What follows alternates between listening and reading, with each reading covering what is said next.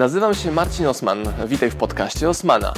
Będę prezentował Ci treści z zakresu biznesu, rozwoju, marketingu. Będzie również dużo o książkach, bo jestem autorem i wydawcą. Celem mojego podcastu jest to, żebyś zdobywał praktyczną wiedzę. A zatem słuchaj i działaj. Marcin Osman. A teraz zapraszam Was do obejrzenia zapisu z wywiadu, jaki zaraz się odbędzie. Radio Trójka RDC do audycji Konrada Maryno pod tytułem Życie jak w Madrycie, gdzie jestem gościem. Nie mam pojęcia o co będę pytany, znaczy mniej więcej wiem, ale szczegółów nie znam. A to intro jest zapowiedzią tej audycji, więc ją dla Was nagramy.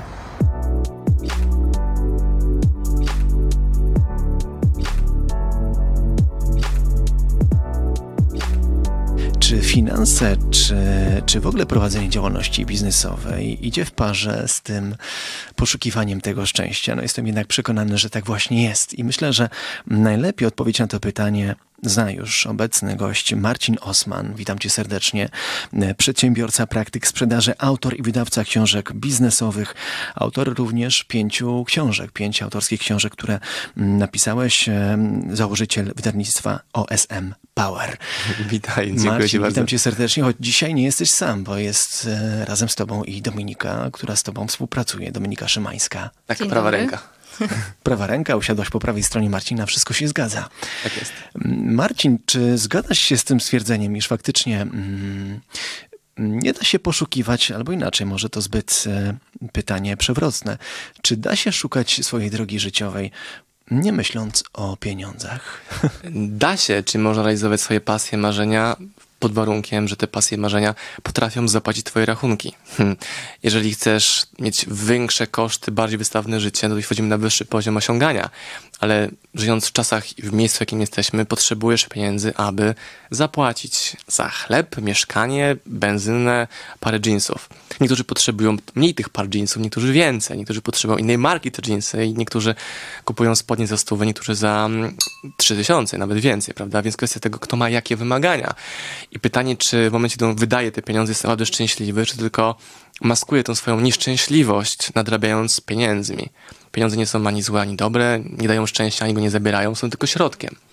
Znam mnóstwo ludzi szczęśliwych, którzy nie mają pieniędzy, mnóstwo szczęśliwych, którzy mają pieniądze, więc nie ma jednoznacznej decyzji, diagnozy, powodu, aby być uzależnionym od pieniędzy, jeśli chodzi o szczęście.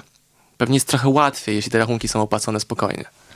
A mówię od razu e, o tych pieniądzach, bo mm, przyznam, że jestem rzadkim czytelnikiem książek e, takich motywacyjnych, czy też książek e, literatury, której wiąże się z finansami. I e, gdy ocieram się o tytuły, to czasami mam takie wrażenie, być może znowu się mylę, e, że te pieniądze właśnie zawsze są na pierwszym miejscu. To znaczy rzucają się tytuły, na przykład, które mówią o tym, czy chcesz zarabiać więcej, czy chcesz posiadać więcej, jak to zrobić, by, by wzbogacić się o, dla przykładu, wymarzony albo wyimaginowany milion złotych, dolarów, jakiejkolwiek innej waluty. Mm, Czy to jest tak, Marcin, jak sądzisz przez lata swojej praktyki, że same w sobie pieniądze powinny być celem w naszym życiu, niezależnie od tego, jaką drogę obraliśmy? Oczywiście, że nie. Pieniądze są tylko wyłącznie narzędziem do realizacji swoich celów. Każdy ma inne cele, każdy potrzebuje inne kwoty. Samo dążenie za tym bogactwem do bogactwa według mnie nie jest dobrym pomysłem. Czyli ja lubię, kocham biznes, nie robię go dla pieniędzy, ale pieniądze są wyznacznikiem, czy jestem skuteczny. Nie mogę powiedzieć, że jestem super przedsiębiorcą, jeśli nie zarabiam pieniędzy. Mogę mieć fundację, która ma jakieś minimalne przychody i też być szczęśliwym, prawda? Ale jako przedsiębiorca chcę zarabiać więcej, bo zarabianie więcej pokazuje, że jestem bardziej skuteczny jako ten przedsiębiorca, więc ja się lepiej wyrażam w tej misji, jaką jest prowadzenie biznesu. Biznes jest grą, której skuteczność jest mierzona tym, czy zarabiasz więcej, czy mniej, czy twoje przychody są większe niż koszty. Jak tak, to super, jak odwrotnie, to masz problem. Natomiast samo gonienie za pieniędzmi mnie nie interesuje. Czyli one nie są moją motywacją, ale są wskaźnikiem, czy robię rzeczy dobrze. Pokazują mi kierunek, bo jak idę do przodu, nie ma tych pieniędzy, to muszę zmienić kierunek w lewo, w prawo, w tył, krok wstecz i przeprojektować moją strategię. Jak ją poprawiam, wdrażam, pojawią się pieniądze, o, coś robię dobrze w tym moim fachu, jakim jest biznes. Hmm. Ciekaw jestem, chciałbym, żebyśmy poznali także i Twoją osobistą historię tego, jak, jak się wychowywałeś, bo mm, tak właściwie myślę, że mm, rzadko, a może coraz częściej mówi się o tym, że no właśnie, by, by, by wychować osobę, która jest świadoma tego, jak inwestować, w ogóle świadoma wartości mm, pieniądza i pracy, no to właśnie trzeba tę osobę wychowywać. E, I tak się zastanawiam, czy, czy u Ciebie, czy, czy w rodzinie jakoś szczególnie mówiło się o, o pracy, o zarabianiu pieniędzy, czy to było w jakiś sposób e, wyjątkowy, może kultywowane, czy, czy tobie przekazywane, Marcin? E, odkąd pamiętam, to w moim domu zawsze był biznes, czyli firma niewielka, rodzinna, e, gdzie tata z mamą produkowali pantofle, bo to jest taki rejon, gdzie produkuje się pantofle z naturalnych materiałów. A dodajmy, że pochodzisz z południa Polski. Tak, Tylmanowa, pozdrawiamy, jeśli słuchają. Koło Szczawnicy. Tak, koło Szczawnicy, dokładnie, czyli górskie tereny. E, to nie jest Zakopane, bo wiele osób myśli, że mieszkasz w górach, to Zakopane. Nie, nie, nie. Do Zakopanego był kawał drogi jeszcze. Natomiast ten biznes był robiony w bardzo małej skali, niewielki, własnym sumptem i mi z dzieciństwa pam pamiętam, że to była na maksa ciężka praca, równolegle połączona z pracą e, w polu na roli, u dziadka na niewielkim gospodarstwie, które były bardzo energoczasochłonne zajęcie. To nie był wielki jakiś areał pszenicy po horyzont, tylko maleńkie poletka na stoku, gdzie zainwestowanie wiesz, większy trzeba było wydać w środki ochrony tych roślin niż, niż wartość pszenicy, jaką zbierałeś, nie? Ale musiałem robić jedno i drugie, pomagać i w biznesie rodzinnym, i w polu, i tak dalej, i tak dalej. Natomiast to nie był taki biznes, który teraz prowadzę, czyli biznes w oparciu e, o to, jaki jestem, jakie mam kompetencje intelektualne, że mam czyste, zdrowe ręce, a nie brudne, zmęczone fizyczną pracą, dosłownie wideł, prawda? Więc są różne wersje tego biznesu, różne wychowania rodzice mówią, że zawsze mówiłem, że mi nie pasuje ta praca na roli, nie? Cytując mojego tatę, który mnie teraz cytuje po latach, mhm. dlaczego takimi wieśniakami jesteśmy, że robimy czy bezsensowne. I już wtedy coś czułem, że to nie jest okej, okay, żeby tak bardzo się męczyć i mieć tak małe zwroty. Ja lubię ciężką pracę pod warunkiem, że za tym idą racjonalne zwroty z czasu, energii, pieniędzy. Więc to gdzieś tam się we mnie tliło, kiełkowało, pączkowało i z czasem jak zacząłem studiować w Krakowie, czyli duże miasto zamienione z mojej miejscowości, poznałem więcej ludzi o większej perspektywie, o innych możliwościach, sposobach patrzenia na życie i wtedy zacząłem jeszcze bardziej realizować się jako przyszły przedsiębiorca, no bo pierwszą firmę miałem taką poważną pod koniec studiów e, i to był mój początek biznesu, czyli w wieku 22-3 lat pierwsza firma się pojawia, taka prawdziwa firma, wiesz, z NIP-em, Regonem, fakturami. Mhm. A czy możesz, Marcin, nam opowiedzieć o tym, jaka to była działalność, te początki twoje? W Zawsze pracowałem biznesie. wokół internetu. I może właśnie dlatego, że rozpocząłem od internetu, to każdy mój biznes jest połączony z internetem. Mhm. Czyli to może być promocja czyjejś firmy w internecie, agencja reklamowa. Może to być sprzedaż bez internet, czyli książki, które wydajemy, sprzedajemy u siebie przez strony internetowe w internecie. Nie ma nas w księgarniach, no bo szukam takiego sposobu działania biznesu, żebym mógł robić z całego świata. Chociaż sprawdzałem, można udać się do księgarni i w księgarni przez internet zamówią nam książki. A widzisz, można na przykład, czyli każda księgarnia ściągnie od nas książkę, tak jeśli będzie miała zamówienie. Natomiast nam chodzi o to, żeby mieć własną bazę klientów, własną stronę i móc sobie na tym dosłownie hamaku w Tajlandii leżeć i zarządzać biznesem z poziomu komputera. No właśnie, o tym e, przede wszystkim mówi jedna z książek twojego autorstwa, czyli Przedsiębiorca podróży. podróży. To Ładnie. bardzo ciekawy temat i myślę, że on się też świetnie wpisuje w takie poszukiwanie miejsca na ziemi, takie poszukiwanie, które towarzyszy wielu osobom, bo bywa tak, że czujemy się zniewoleni albo czujemy się ograniczeni poprzez naszą pracę. Mówię, bywa, nie musi tak być. A czasem wystarczy otworzyć pewne klapki, które nas być może ograniczają na sposób myślenia, i to wszystko jest możliwe do realizacji. Marcin, myślę, że w Twojej działalności, swojej karierze, oprócz tego, że jesteś i przedsiębiorcą, i jesteś wydawcą, i autorem książek, to również i, i wykładasz i prowadzisz szkolenia. Najczęściej są to, jak rozumiem, szkolenia dla przedsiębiorców, ale nie tylko. Dla osób, które chcą um, zarabiać, tworzyć biznes i potrzebują wsparcia, na przykład jak robić lepszy marketing, jak robić lepszą sprzedaż, jak kreatywniej podejść do swojego biznesu, ale też życia. Czyli książka, o której mówisz, Przedsiębiorca w podróży, pokazuje nie jak wyjechać i nie pracować, ale jak wyjechać i pracować. Też super o tym może powiedzieć Dominika, bo pracując razem byliśmy e, również w Tajlandii, Bali, mega ciekawe miejsca w całym świecie, na całym świecie i tam braliśmy z sobą część teamu, Dominikę właśnie, laptopy w teczkę i na plaży, dosłownie w klubie pięknym widokiem na oceany świata, sobie klikasz klawiaturkę i kontaktujesz się z klientami, piszesz kolejną książkę i prowadzisz biznes laptopa.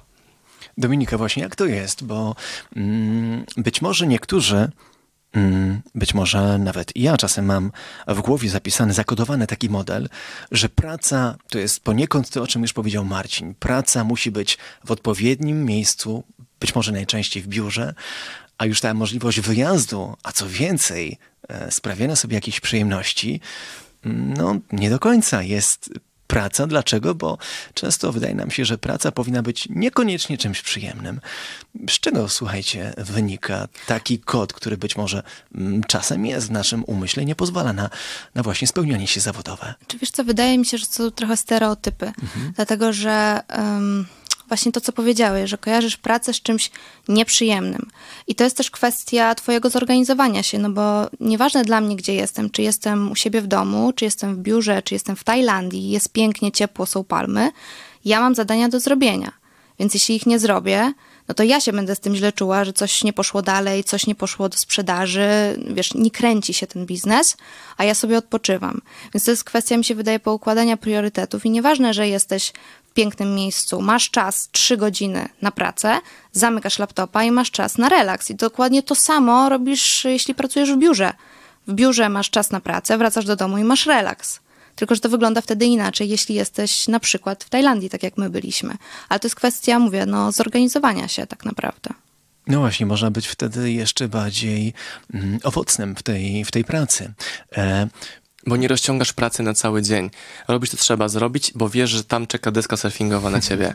I nie przyciągasz, nie gadasz przy tej desce, wiesz, kąciku kawowym w biurze z kolegami, tylko chcesz zrobić robotę i idź pływać dosłownie z żółwiami, rekinami czy innymi Fajny też jest, przepraszam, ci przerwę, e, strefa czasowa. Jak byliśmy na Bali, to było świetne, że Polska budziła się bodajże o 14 lokalnego czasu, czyli my do 14 zrobiliśmy wszystkie maile, wszystkie rzeczy, Spokojna praca bez bycia dystraktowanym. Tak. Przez tak. klientów, którzy mhm. od nas coś chcą. Czyli masz czas wydzielony na święty spokój, bo nikt do ciebie nie dzwoni, nie, nie pisze. Nie dzwoni, nie pisze maili bo jest inna strefa. Ty załatwiasz wszystko rano, 14 masz czas wolny, Polska się dopiero budzi i procesuje to wszystko, co do nich wysłałeś. To, jest, to było świetne. No właśnie, a tym wszystkim, o czym mówicie, myślę, że mm, to wszystko budzi jeszcze, albo nawet i wręcz pobudza w nas samych pogody ducha. Wiem, że ta pogoda ducha, Marcin, też i, i w Twoich e, książkach dużo o tym piszesz. Ta pogoda ducha ma ogromne znaczenie w naszych relacjach z innymi ludźmi. No nawet tu siedzimy, cały czas się do siebie uśmiechamy. Państwo tego nie słyszą, my patrzymy na siebie, nam się oczy cieszą, bo gadamy o tematach, które nas interesują, są z pasją i to jest super. I to powoduje też taki mechanizm ochronny, że od tego bąbelka pozytywności odbijają się wszyscy inni, którzy tacy nie są.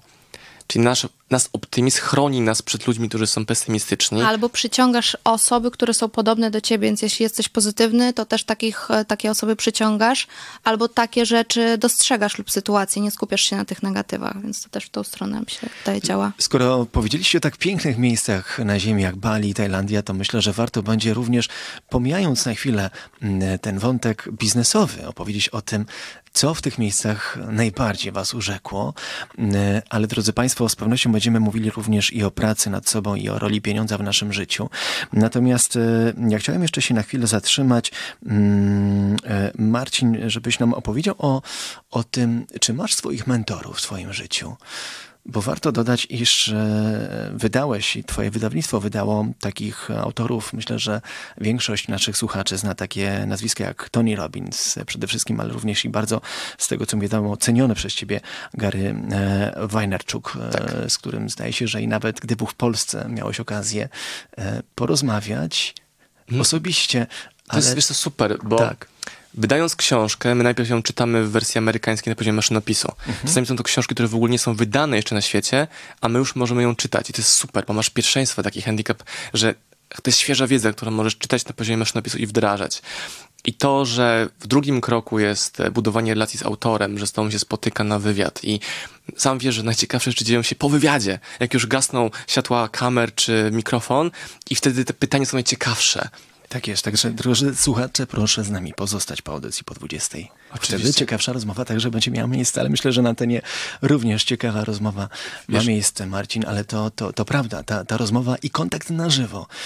Sam mówisz o tym, że ten content, ta zawartość, mówiąc inaczej, e, którą udzielają właśnie na przykład ci mentorzy, o których dzisiaj mówimy, bardzo często darmowa zawartość w postaci właśnie kontaktu, spotkania albo e, kolejnego filmu na, na YouTubie, jest tym łącznikiem, a ten łącznik zdaje się, że z odbiorcą jest czymś no nie wiem czy najcenniejszym, ale czymś niezwykle istotnym. To chodzi o relacje, ale też zobacz, że ogromnie dużo merytoryki ci autorzy dają zupełnie za darmo w internecie, na YouTubie, Facebooku, Instagramie. Natomiast ludzie mają tak duży pesymizm wobec tego, co słyszą, że nie są w stanie odłożyć tego pesymizmu na bok i powiedzieć, jestem naiwny, sprawdzę, zaufam i zobaczmy, co się wydarzy, jeśli zaufam temu mentorowi, który jest mistrzem marketingu internetowego. Ale w jakim sensie pesymizm? Że Taki prze, pesymizm, Gary Vaynerchuk mówi te pozytywy? Tak, że Gary Vaynerchuk mówi, nie, rób tak, tak, tak, tak w internecie. Mhm. Ludzie mówią, nie, to nie jest możliwe, nie sprawdzi się, Polska jest innym krajem. To jest częsty argument, że to są autorzy amerykańscy, w Polsce się nie sprawdzi. A ja kilka dobrych lat temu powiedziałem, sprawdzam, wdrożę, potestuję. I to powoduje, że mam energię, że mój biznes się rozwija, że pracuję z fajnymi ludźmi, Efektem nawet tego jest twoje zaproszenie nas tutaj dzisiaj przez super. Skąd, czemu tu jestem? Poznaliśmy się kilka lat temu, relacja internetowa, patrzyłeś co robię, jaki jestem, spodobało ci się i dzięki temu jestem teraz w radiu, co jest dla mnie super zaszczytem i przyjemnością. No właśnie, e, skoro mówimy o radio, radio jest, chociaż e, mogą nas Państwo również nie tylko słuchać, ale i podglądać, więc chciałem powiedzieć, że, że radio jednak jest taką formą mimo wszystko medium bardziej tradycyjnego, chociaż tak jak wspomniałem, pojawia się również i streaming, są pewne elementy nowoczesne, ale no właśnie o tym może przez chwilę porozmawiamy.